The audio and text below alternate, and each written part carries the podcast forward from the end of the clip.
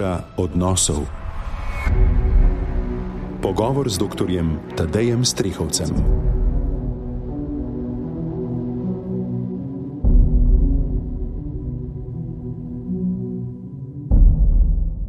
Peti torek v mesecu je zato, drage poslušalke, spoštovani poslušalci, spet pozdravljeni v oddaji Kultura odnosov z dr.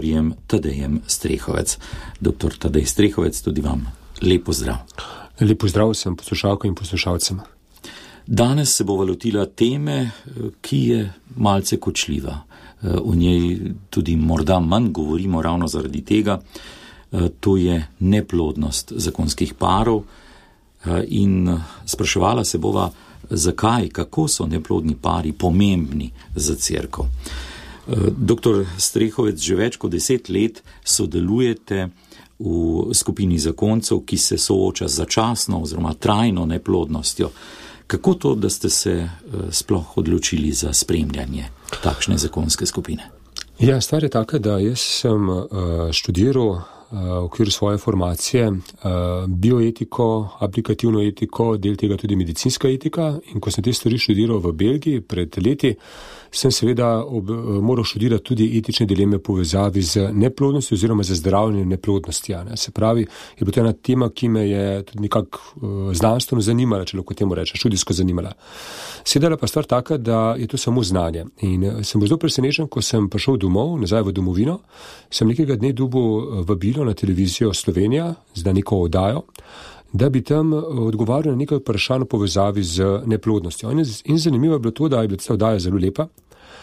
Mene so seveda spraševali bolj kot z vidika etike, kako katoliška crkva gleda na mhm. postopke zdravljenja z biomedicinsko pomočjo in podobno. Ampak tam sem spoznal en lep uh, par, uh, Jožeta in Marijo uh, uh, Stritar, ki sta uh, me zelo lepo sprejela in sta, me, in sta me povabila, če se lahko priključim njihovi skupini, ki takrat je imela duhovnika. In takrat sem prvikrat slišal, da pri svetem Jožefu v Ljubljani obstaja ena skupina zelo uh, prijetnih zakoncev, ki pa so med seboj povezani na tak nenavaden način, namreč da ne morejo imeti otrok. In takrat vem, da je bilo to za me nekaj smisla velik izziv, moče celo preizkušnja, kako zdaj to znanje, ki sem ga samo teoretično poznal, uh, oziroma ki je bilo povezano z neplodnostjo, pa z medicinskimi postopki, pa s tisočimi etičnimi problemi, ki so povezani z vsem tem, kako zdaj to zadevo zdaj prevesta ne, na nek primeren način v pogovoru z zakonci, kako razumeti neplodnost z vidika vere in kako, po domače povedano, tudi odpirati eh, vrata upanja tudi tistim parom, ki so preizkušeni tudi na tak eh, težek način. Zakaj pa je pomembno, da so v cerkvi uh, takšne skupine? Ja, stvar je taka, ne, da v crkvi je namenjena vsem katoličanom. Ne, in vsaka skupina, vsaka skupina katoličanov, vsak posameznik je dragocen za crkvo. In se mi zdi prav, ne, da tudi ljudje, ne, ki iz takih drugačnih razlogov trpijo zaradi začasne ali trajne neplodnosti, da imajo svoje mesto. Jaz sem namreč šele ob njih, ne, začutil, kako imajo včasih uh, katoliški neplodni pari, ne, včasih občutek, ne, da je crkva ustvarjena samo za tiste klasične družine, ki imajo veliko otrok, ne, ki nedelo pridejo k maši, potem ogromno nekih aktivnosti v naših župnijah je namenjeno prv otrokom, ne, pa zakoncem, pa ne vem, raznim skupinam. Za neplodne pare pa se zdi, ne, da vse v tistem času pa uh, ni bilo veliko mesta, kamor bi lahko ti pari prišli, pa uh, govorili, molili, premišljali se to pismo in tako naprej. Zato sem uh, bil že takrat mnenja, ne, da je to eno zelo lepo poslanstvo in uh, tudi danes verjamemo, ne, da uh, se, če hočete, ne, kvaliteta crkve, ne, pa našega pastoralnega delovanja meri tudi po tem, ne, kako znamo prisluhniti neplodnim parom. No, takšna situacija je prav gotovo povezana z mnogimi neprijetnimi občutki, od bolečine naprej. Eh, in zato je morda zdaj le primerno, eh, mnogi so najbrž, da eh, kar malce našpičili v šesa, da poveva, kdaj se pa dobiva ta zakonska skupina, kako je mogoče na vse zadnje se ji pridružiti in katerih tem se lotevate. Ja, stvar je taka, da ta skupina je nastala uh, kot nekem smislu na osnovi, veliko najboljša beseda bo na osnovi, a ne gibanja naj na pot. Uh, to so številni pari, ki so bili ali pa so aktivni v teh zakonskih skupinah, ki so pa če čas opazili, da za razliko od drugih parov ne morejo imeti otrok. In da v zakonskih skupinah včasih ne, tudi nanese beseda tudi na otroke, ki pa je lahko zelo velik izziv, pa celo bolečina za mnoge uh, to vrstne pare. No, kako je že na začetku smo se dobili pri svetemu Jožefu v Ljubljani, potem pa smo se preselili na uh, Vič, na župnijo Ljubljana Vič v Ljubljani, kjer imamo tako vsak mesec, mesec pa pol imamo zakonsko skupino in pridejo pari iz zelo različnih koncev Slovenije. Eh, zdaj, glede samih tem, eh, mi se držimo še vedno zelo tega, eh, če rekel, tega načrta ali pa oblike zakonske skupine naj na pot. Na začetku imamo ta svetopisanski krok, vedno prebiramo en odlomek za povrstjo in potem, se, potem vsak pove svoje mnenje o tem, kako te je Bog nagovoril preko tega svetopisanskega odlomka, kako ga razumeš, tudi kako ga razumeš z, z izkušnjo eh, neplodnosti. In eh, ta krok lepo naredimo, prisluhnemo drug drugemu. Potem druga tema je potem pa tema, ki jo izberejo pa sami, sam budilski par tistega večera, ki pa je povezana z zelo različnimi temami. Recimo se enkrat spomnim, da je bila tema, ali sem midva še družina. Uh -huh. Nekateri pari so imeli občutek, da ker nimajo otrok, niso družina. Potem, recimo, uh, ali me ima Bog še vedno rad, kako živim svojo vero.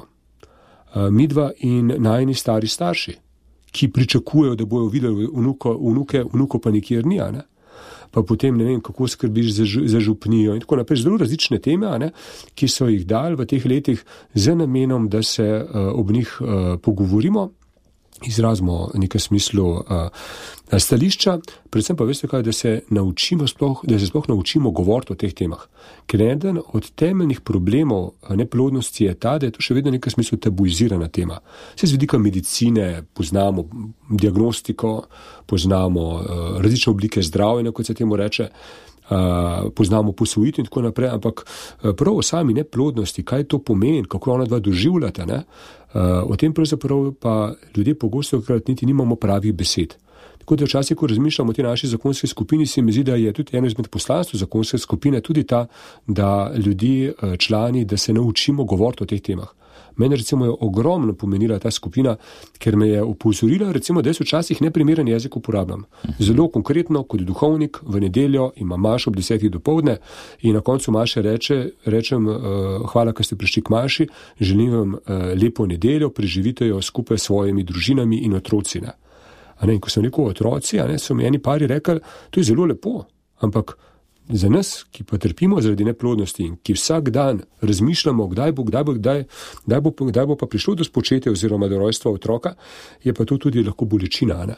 Tako da hočem povedati, ne, da se tako zakonci, kot tudi jaz kot duhovnika ne, v tej zakonski skupini učimo tudi tega spoštljivega, sočutnega, ljubečega pogovora. Ne?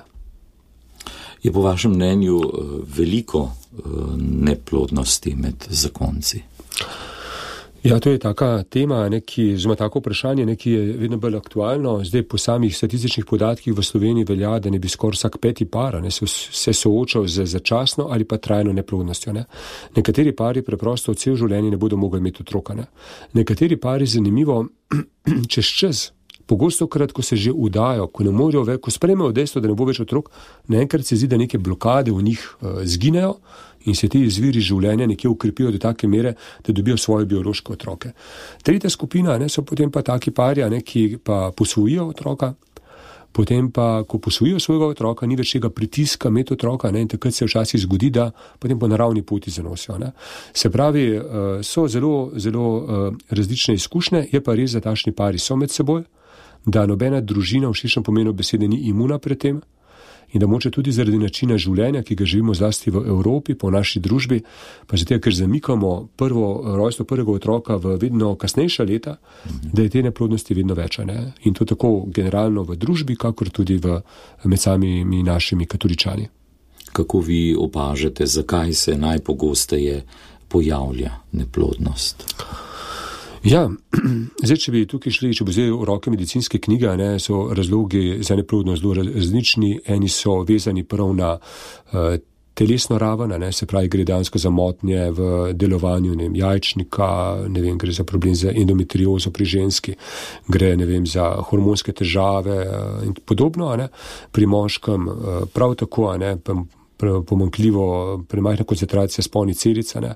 potem slaba kvaliteta spolnih celic, potem ta psihološki razlog, ki je zelo zanimiv v eni knjigi, slovenski knjigi, ki govori prav o tej temi, o vzrokih neplodnosti, uh -huh. je zapisano celo recimo smrt v družini, ne? kako dansko lahko povzroči tudi neplodnost, recimo začasno ali pa celo trajno potem recimo potres, kakšen hud šok, hud stres, ne, ta sodoben način življenja, ko smo ljudje vedno bolj pod pritiskom.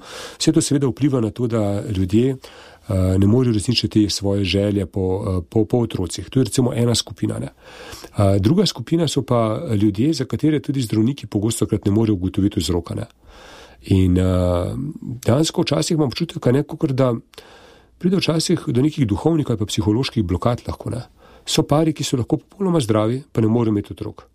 In zdaj, kako to, da ne morejo teh svojih vredcev življenja usmeriti tako, da bi prišlo do, do, do otroka, tega ne vemo. Ne? In v tem smislu uh, nam ta pojav neplodnosti, če lahko rečemo, ne, govori o tem, da je otrok uh, velik božji dar. To ni stvar samo neke kemije, pa nekih bioloških procesov, pogosto krat je to stvar tudi duševnosti, tudi duhovnosti.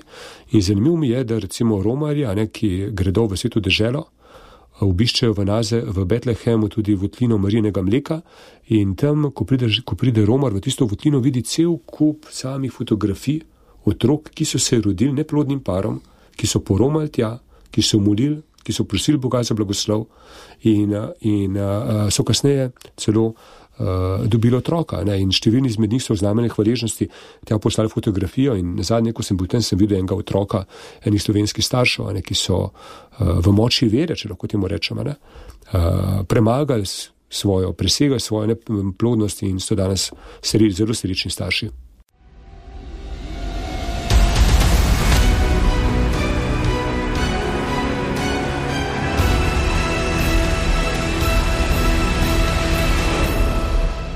Kultura odnosov. Pogovor z dr. Tadejem Strihovcem.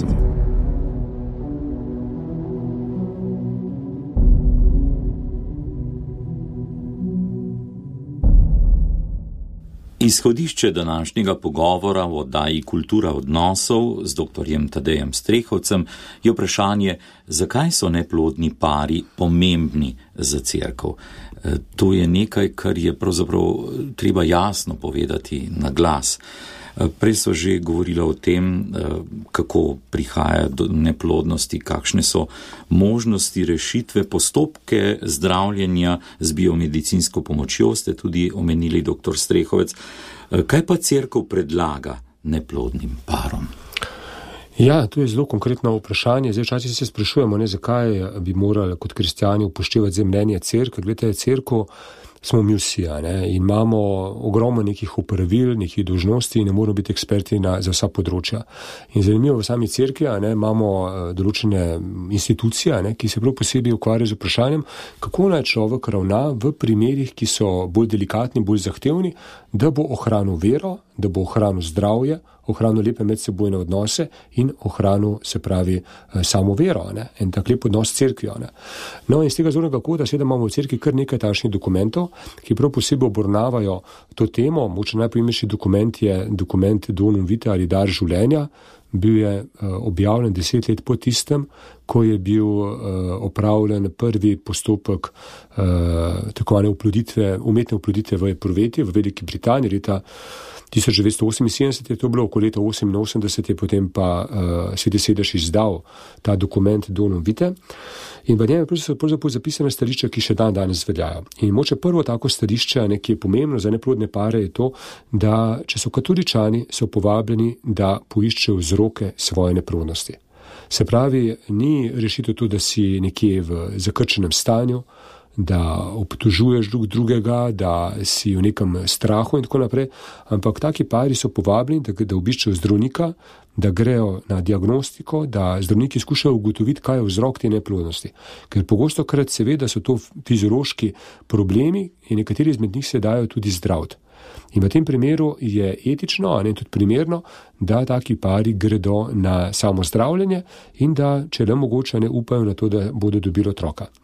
Sveda potem druga stvar, ne, ki pa je, je pa povezana seveda s stanjem, ko se pa ugotovi, da je par neploden, pa ne more uh, na noben način, na naraven način, zanos prenositi. V takem primeru pa seveda je pa vprašanje zdaj, katere so pa te metode, ki jih današnja medicina ponuja, tiste, ki so sprejemljive za katoličane. In tukaj seveda pride do celo paleto, cela paleta raznih metod, zelo nasplošno bi rekel, ne? prva taka skupina je tako imenovana inseminacija, ko se moške spolne celice vzamejo, uh, pač jih vzamejo, pregledajo, vnesejo v telo uh, žene in potem upajo, da pride do samega spočetja.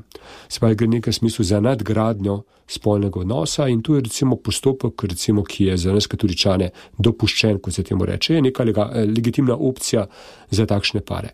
Moče malo drugače je, ne, ko gre za spolne celice nekega neznanega darovalca. Ne. Tukaj pravi, da je to potem prešuštvo. Ne. Je moče tukaj že potem gre za neko tretjo osebo, ki stopa v zakonski odnos. Eh, potem seveda druga skupina eh, oblik zdravljen neplodnosti je pa povezana z tako imenovano umetno ploditvijo, kot mi to rečemo. Gre za Eh, se pravi za odvzem spolnih celic, za oploditev v uh, eproveti in potem za prenos zarodka, ustreznega zarodka v telo uh, žene. Ne? In potem seveda za upanje, ne, da bo se ta otrok ugnezdil, kot se temu reče, in da se bo lepo rodil. Zdaj tukaj seveda pa so pa problemi, etični problemi, ne, ki pa jih je prav naša katoliška crkva zelo, zelo lepo zapisala v dokumentu, preomenjenem dokumentu Donum Vita ali Dar življenja, namreč, da ti postopki niso brez posledice. Ne. Prvič, ti postopki so tvegani že zato, ker vedno vključujejo hiperstimulacijo žensk, zato da, dobi, da lahko oduzamejo jajčica. In ta, ta, ta metoda oziroma ta način, oduzema jajčec je že tvegana, ne, je povezano, tukaj so tveganja lahko za infarkt, za strtke in podobno, ne, visok pritisk in moten delovanje hormonov in tako naprej. Potem druga stvar je ta, ne, da v teh postopkih vedno nastane večje, običajno nastane večje število zarodkov. In zarodke, ki so slabe kvalitete, uničijo. Srednje kvalitete zamrznejo, ta najboljšega ena pa dva ustavijo v telo matere. Se pravi, če pride do spočetja, kaj se zgodi z, oziroma kaj, če pride do rojstva otroka, kaj se zgodi z ostalimi zarodki. In tukaj, uh, uh, recimo, katoličani, naša crkva nam pravi, ne, uh, vprašajmo se, kaj bi Jezus naredil na tem mestu. Ali bi Jezus ustvaril zarodke, ene tako uničil, ene zamrznil, potem pa, če ne bi uspela nosečnost, bi potem pa druga odmrznila pa ne vem, jih zavrgala. Ne. In uh, to seveda so, so, so veliki problemi. Potem tudi problem je tudi ta, ne, da uh, so primeri, zelo pogosti primeri, ko je recimo mož popolnoma neploden. In v tem primeru je seveda umetna oploditev možna samo z pomočjo tako imenovanih darovanih spolnih celic. V tem primeru pa seveda je pa vprašanje zdaj prvič etičnosti tega, In je to primerno, da v ta odnos te družine vstopa biološki material, če lahko rečem tako zelo tehnično, ne? neke tretje osebe. Druga stvar je to, da lahko te spolne celice naročamo po katalogu. Ne? In zdaj, a je smiselno, da mi vnaprej določamo lasnosti otroka in tukaj probleme v genike, izboljšanje, ra, eh, izboljšanje človeške rase, kot temu rečejo, ne? ali pa ideološko izboljšanje e, naše rase. Ne? Tako da tukaj je veliko velik teh dilem. Potem je tukaj še problem a, prodajanja spolne celice. Nekateri ljudje prodajo spolne, svoje spolne celice, moške spolne celice niso preveč cenjene, jih je veliko, medtem ko a, so cene zelo nizke, ampak recimo za jajčeca, za ženske spolne celice so pa cene zelo visoke. Ko sem bil pred eh, časom v Združenih državah Amerike in sem bil tam na, v New Yorku na podzemni železnici, je bil en velik glas gor nad nami iz uh, Columbia University Hospital, ki je vabila uh, visoke, blond, modroke ženske z diplomo ali pa doktoratom zaposlene, da pridejo tja in darujejo jajčica in so jim ponujali kompenzacijo tam od 10 tisoč, 15, 35 tisoč dolarjev. Ne. Zdaj, a je to etično? Ne? Se pravi, jaz vem, da z vedika nekega neplodnega para, ki ima problem, so vsi te ugovori lahko problematični. Ne? Ampak z vidika uh, naše crkve, ki iščemo najbolj varno pot v danih razmerah, kako ne človek živi, da bo živel dober odnos z Bogom, s svojimi bližnjimi, svojo vestjo. So pa tudi argumenti, ki jih je treba upoštevati. Tako da na koncu bi zaključil samo še to, ne, se pravi, ko je govora o umetni oploditvi, ne, uh, se pravi, zakonci imajo dožnost, ne, da, da uh, se grejo zdraviti, da se poslužijo etično sprejemljivih metod. Potem je toplo priporočam, da se taki pari vključijo v kakšno skupino z drugimi neplodnimi pari, da se pogovarjajo o tem, da te bolečine nosijo sami v sebi. No, vsekakor gre za, za zelo težke teme, za zelo težka vprašanja uh, in tudi zelo težke odgovore potem, pa zato za hipec ostaniva še pri uh, tem težkem vprašanju. Ali Bog res ne dopušča umetne oploditve? Ja, to je tako, kot se sam rekel, zelo težko vprašanje in jaz verjamem, da je še težja pa ta dilema, ne, s katero se soočajo sami zakonci, ki ne morejo imeti otrok in ki, ki se želijo poslužiti vsake rešitve, ki je možna, zato da dosežejo tisto, po čemer najbolj hrpenijo in to je seveda otrok. Zdaj, uh, umetna oploditev, kot sem že prej rekel, ne, ima nekatere te etične zadržke, ne, uh, probleme ne, in uh, crkvu kot katoličani smo povabljeni, da zberemo najbolj varno pot za Kristusom, ne, uh, da ne delamo napaka. Ne. Na drugi strani ne, pa, eh, da se zavedamo, da umetna oploditev ni uh, nedolžna stvar. Mi v naših medijih ne, se pogosto krat govori, kako je umetna oploditev 100% učinkovita, kako je to odlična opcija. Jaz poznam ogromno parov, tudi nekateri pari naše zakonske skupini, so šli na kakšen postopek umetne oploditve, pa niso mogli dobiti otrok. In to je, uh, to je in, in takih parov je večina. Ne. V Sloveniji je 70% parov, ki grejo na umetno oploditev in grejo skozi en ciklus zdravljenja, kot rečemo temu, dva, drugi, tretji, četrti, to vse država, oziroma to plača zdravstveno zavarovanje, pa potem še celo sami plačujejo potem dodatne cikluse, nikoli ne morejo priti do otroka. In kar je meni bilo zelo presunljiva izkušnja, je to, ne, da ti pari ne trpijo samo zaradi neplodnosti, ampak trpijo tudi zaradi to bo težka beseda, ki jo uporabljamo, ampak moče neosebnosti ali celo brutalnosti teh, teh preiskav in pa postopkov umetne oploditve. Ko vstopijo zdravniki, zdravstveno osebe v najbolj intimno sfero zakonca, ko dejansko uh, uh, si tam pravzaprav samo številka, ki se samo ocenjuje neka uspešnost nekih, nekih ciklusov in tako naprej. In eh, to, je, to zna biti zelo boleče. Ne. Tako da jaz sem srečal pare, ne, ki so rekli, da jih je to zelo prizadelo, ne. kako so to uh, bili v nekem smislu obravnavani. Čeprav so bili vsi zelo spoštljivi in prijazni uh, in uh, so kar zaradi tega trpela. Ne. Tako da poznam pare, ki so, ki so uh, že pri diagnostiki. Ne. So, so, so začutili, da je tukaj pa točka, preko katere pa tudi zdravniki in ne vem kdo ne morejo iti preko. Ne. Se pravi, je to zelo zahtevna stvar. In zdaj vprašanje je bilo, ali Bog res ne dopušča umetne oploditve. Jaz mislim, da Bog želi, da smo srečni in Bog želi, da sprememo otroke kot božji dar. In uh, uh, otroci niso nekaj samoumevnega. V sedem pismu vemo, da številni pari niso mogli imeti otroka, so pa kasneje šele dobili otroke, ne? recimo starša Jana za krstnika ne? in so zaradi tega zelo trpeli. Ampak kaj nam govorijo pari, ki ne morejo imeti otrok, govorijo nam o tem, uh, kaj je ljubezen in o tem, da je vsak otrok neizkončno vreden in dragocen. Včasih me boli, ko vidim starše, ne, ki imajo otroke, pa imajo včasih neprimeren odnos do otroka. Ne.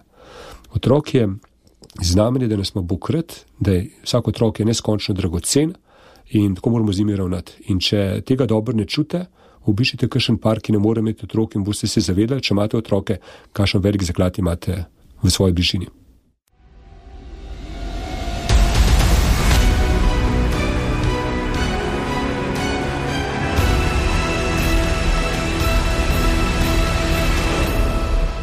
Kultura odnosov. Pogovor z dr. Tadejem Strihovcem.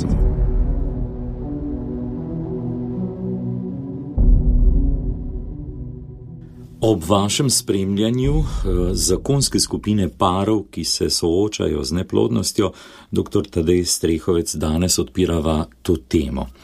Eh, s kakšnimi težavami, eh, kaj lahko vi vidite in občutite, se najpogosteje soočajo pari, ki ne morejo imeti otrok? Ja, to je vprašanje gotovo za same zakonce, ki imajo to vrstno izkušnjo, kateri se oni bi znali to odlično povedati. Ampak kar lahko jaz povem iz izkušenj dela z to vrstnimi pari, je pa predvsem to, ne, da je to zelo huda preizkušnja. Namreč spoznanje, da po pol leta, po enem letu otrok ni po dveh letih še vedno ni otrok. In ta, uh, to spoznanje je lahko zelo, zelo boleče. In seveda, pogosto, kad ljudje reagiramo, se odzivamo tako, da se zapremo ne? in o teh stvareh sploh nočemo govoriti. Eni parja ne se delajo, kako da, tega, da, da, da to sploh ni problema. Ne? Eni ljudje seveda lahko padejo v depresijo. Uh, tretji ljudje, ne, tretja skupina ljudi, ne, lahko, uh, oziroma eden od teh parov, ne, lahko začne, ali pa oba skupaj lahko začneta iskati krivce. Ne in si zastavijo vprašanje, jaz ne morem postati mama zaradi tebe, verjetno si ti problem. In ko grejo na diagnostiko in ugotovijo, da recimo mož ne plodena, ne, lahko pride do tega obtoževanja. Ne. Jaz zaradi tebe ne morem postati mama, zaradi tebe ne morem postati oče. Ne. In to je cela zveza zelo trpija. Ne. In če gremo potem še naprej, ne, te pari se soočajo tudi s problemom širše okolice. Ne. Mi pogosto krat, ko se dva poročita, nekaj smisla že kar v glavi že imamo, evo še nekaj mesecev, nekaj let in bomo imeli tam družino z otroki in tako naprej. In ko pridemo na obisk čez nekaj časa, smo lahko presenečeni, kot teh otrok ni. In to seveda eh, ti pari to zelo dobro čutijo in se zaradi tega so še bolj v nekem smislu v stiski. In uh, dejal bi še to, ne, da za nekatere pare ne, je neplodnost tudi huda preizkušnja vere. Ne. In si zastavijo vprašanje, zakaj jih Bog nima dovolj red. Zakaj se to njim dogaja? Kako to, da molijo, da so šli na romanje, da, da uh, Boga prosijo za čudež, pa tega otroka ni. In lahko se zgodi ne celo to, da lahko ljudje izgubijo vero, lahko, pogosto krat se zgodi, da uh, preprosto ne more več ustrajati v taki zvezi in se ali se ločijo ali se razporočijo ne? in preprosto ne preživijo. Ne? Tako da z tega zornega kota uh, se mi zdi, ne, da je to huda preizkušnja in uh, gotovo velik izziv. In uh, pomembna stvar ne, je gotovo tudi ta, da ti pari se pogosto krat Eh, lahko nekaj eh, vrtijo v nekem začaranem krogu lastne bolečine in niti ne znajo dobro besediti, kaj se z njimi dogaja. V naši družbi, nažalost, še nimamo dovolj navzočega jezika v šolah, v družbi, tudi v cerkvi, s katerim bi usposobili eh, zakonce, eh, njihove sorodnike, starše, eh, govoriti o teh stvarih na en primeren, občutljiv in spoštljiv način. Ne. Zdaj, hvala Bogu, nekje obstajajo te priprave na zakon, ki vključujejo v okviru te priprave na zakon tudi vprašanje, kaj pa če ne bo otrok.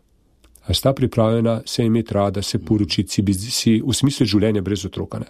Tako da hvala Bogu, počas grejo tudi te, te besede v, v, v širše okolje, ne, ampak se mi zdi, ne, da je to velika preizkušnja tudi zaradi tega, kot rečeno, da nimajo zakonci na voljo dovolj dobrega uh, jezikovnega aparata, dovolj dobrih besed, s katerimi bi izrazili svojo bolečino, pa s katerimi bi lahko uh, v svojem življenju našli kakšne nove perspektive, ki bi jim prinesli upanje in pa veselje do življenja. Omenili ste vero, v kakšnem smislu pa lahko vera pomaga parom, ki se soočajo z neplodnostjo? Ja, vera je seveda tukaj za katoliške pare, jaz mislim, da je pomembna stvar. Ne? Ko se človek znajde v stiski, uh, se veste, takrat, ko smo v stiski, takrat se pogosto krat obrnemo na Boga. Nekje sem prebral en grafit že pred časom, ki se glasi, uh, pred izpitom vsi molimo. Ne? Se pravi, uh, ko je težko, takrat se obrnemo na Boga in seveda ob tak ob, izkušnja neplodnosti je tudi preizkušnja vere, vedno in v veliki večini primerov. Zdaj seveda. Uh, ob sami neplodnosti se izčiščuje, se pravi, podoba samega Boga. Ne. Ljudje imamo pogosto krat lahko tudi napačno podobo Boga in mislimo, da Bog mora narediti prav tisto in takrat, kar mi želimo. Ne. Ni pa to nujno. Ne. Kar vemo o Bogu je to, da je Bog ljubezen, da nas mara, da nam stoji ob strani. In da, ko je težko, ko se soočamo s križi, se lahko vedno na njega naslonimo. Ne? In v tem smislu, veste, je vera uh, zelo pomembna stvar, ker uh, neplodnemu paru odpira obzorje. Se pravi, če ne moramo imeti otrok, to še ne pomeni, da sva Eh, čudna, to še ne pomeni, da sva izključena, to še ne pomeni zdaj, da sva slaba eh, človeka ali pa slaba kristjana, ampak eh, vera daje upanje, odpira obzorja, da tudi v taki situaciji, ko ne moramo imeti otrok, lahko v tem svetu narediva še zelo pomembno poslanstvo. Tudi Jezus nima otrok, tudi mi duhovniki nimamo otrok, pa si moramo usmisliti življenje brez otroka. Ne? In ko naredimo ogromno, ogromno dobrega. In jaz sem vedno zelo vesel, ko vidim para, ne, ki grejo skozi ta proces, ki v moči vere potem sprejmejo to nalogo in se grejo izobraziti. Uh, v naši skupini številni grejo v uh, društvo detelca, kjer, ki je prav posebej namenjeno usposabljanju uh, takih parov za posvojitev otroka. In potem grejo pogumno en korak naprej v svojem življenju, posvojijo otroka, nekateri pari pa celo rečejo: Razumemo, kaj se je zgodilo, v kakšnem položaju smo, Bog verjetno želi za, za naj dva neko drugo poslanstvo in se odloča za neko socialno starševstvo, gre v pedagoške poklice, so bolj dejavni na, social, na karitativnem področju ali so pa bolj dejavni v svojih župnijah. Kar je pomembna stvar, človek, ki ima vero, uh, ne more obupati. Ne. Človek, če ima vero, vera človeku da vedno nova obzorja in pa vedno nam da tudi to, to sporočilo, ne, da je Bog blizu tudi takrat, ko je težko. Vem, da to ni vedno enostavno. Včasih je Bog taki preizkušen tako blizu, da ga sploh ne vidimo. Ne? Ampak izkušnja svetega pisma, izkušnja generacij kristijanov je ta, da ko smo ljudje v stiske, je prav, da se naslonimo na Boga ne? in Bog nas nikoli ne, ne, ne razočara. In na koncu bi rekel samo še to. Žal mi je, da če nekateri pari, ki grejo z veliko ljubeznijo v skupno življenje, pa potem ob tej preizkušnji v nekem smislu uh, ne ustrajajo. Ne? Jaz mislim, da uh, v moči zakramenta sprave, uh, zakramenta poroke, ne, dobita zakonca, če živita izveri, lahko tudi to moča, ne, da znata premagovati tudi take križe. In kot rečeno, spolnjujete eno pomembno poslanstvo na tem svetu. Jaz, ko vidim neplodni par, si rečem, kako so srečni tisti pari, ki imajo otroke. In ko vidim neplodni par, si rečem, imata več časa drug za drugega. Ona ima dosti več časa in to znajo zakonci povedati, koliko veliko časa imajo več za to, da si izkazujejo ljubezen. Ne potrebujejo nobene kontracepcije, imajo dosti več časa, da gre na kulturne prireditve, več časa za pogovor in tako naprej. Ne. Tako da je pomembna stvar, da se zna tudi to vrednotiti in uh, bližina z Bogom, molitev, romanja, branje svetega pisma uh, človeku da moča, ne, da lahko premaga tudi take križe in izzive življenja. Omenili ste duhovnike, tudi duhovniki ste namreč uh, uh, prav tako soočeni z nekim nenadaljevanjem roda in tako naprej. Kako lahko kot duhovnik uh, bogatite takšno skupino zakoncev, ki jim se soočajo z neplodnostjo? Ja, jaz sem se enkrat sem se zelo, nekaj sem razmišljal, zakaj sem jaz pri tej skupini neplodnih zakoncev. Potem pa še na misli, da si tudi jaz nimam otrok. Tako da v bistvu smo tudi duhovniki, ne, predovniki, redovnice v nekem smislu neplodni. Seveda zaradi tega, ker smo se tako odločili, pa ker nas Bog tem, vabi k temu stilu življenja. Ampak dejstvo je, da nimamo otrok in to se treba usmisliti in treba narediti odločitev v življenju, da pač teh otrok ne bo in da nikoli ne bom biološki oče. Ampak še vedno duhovniki smo tisti, ki pa smo duhovni očetje. Ne? Lahko smo socialni očetje, lahko se razdajamo na tisoče ne načini. Če zdaj gledam recimo samega sebe, pa druge duhovnike, vidim, da smo duhovniki lahko očetje dosti večjemu številu otrok, kot če bi imeli tiste, ki so ki bili biološki. Tako z tega zornega kota uh, jaz verjamem, ne, da lahko duhovniki tudi svojo izkušnjo lahko uh, prebujamo v smislu življenja tistim zakoncem, ki ne morejo imeti svojih bioloških otrok. Na drugi strani pa mislim, da smo mi predvsem podoba Boga in pa podoba crkve v življenju teh vernikov. Jaz verjamem, da če se duhovnik ukvarja ali pa posveča čas neplodnim parom, pove že svojo prisotnostjo, da crkva na te pare ni pozabila. Te, te, te pari so dobrodošli v cerkvi, duhovnik pove svoje mnenje iz neke druge perspektive kot, kot sami neplodni pari. In pa jaz mislim, da je naloga duhovnika tudi ta, da da blagoslov in da moli za te pare.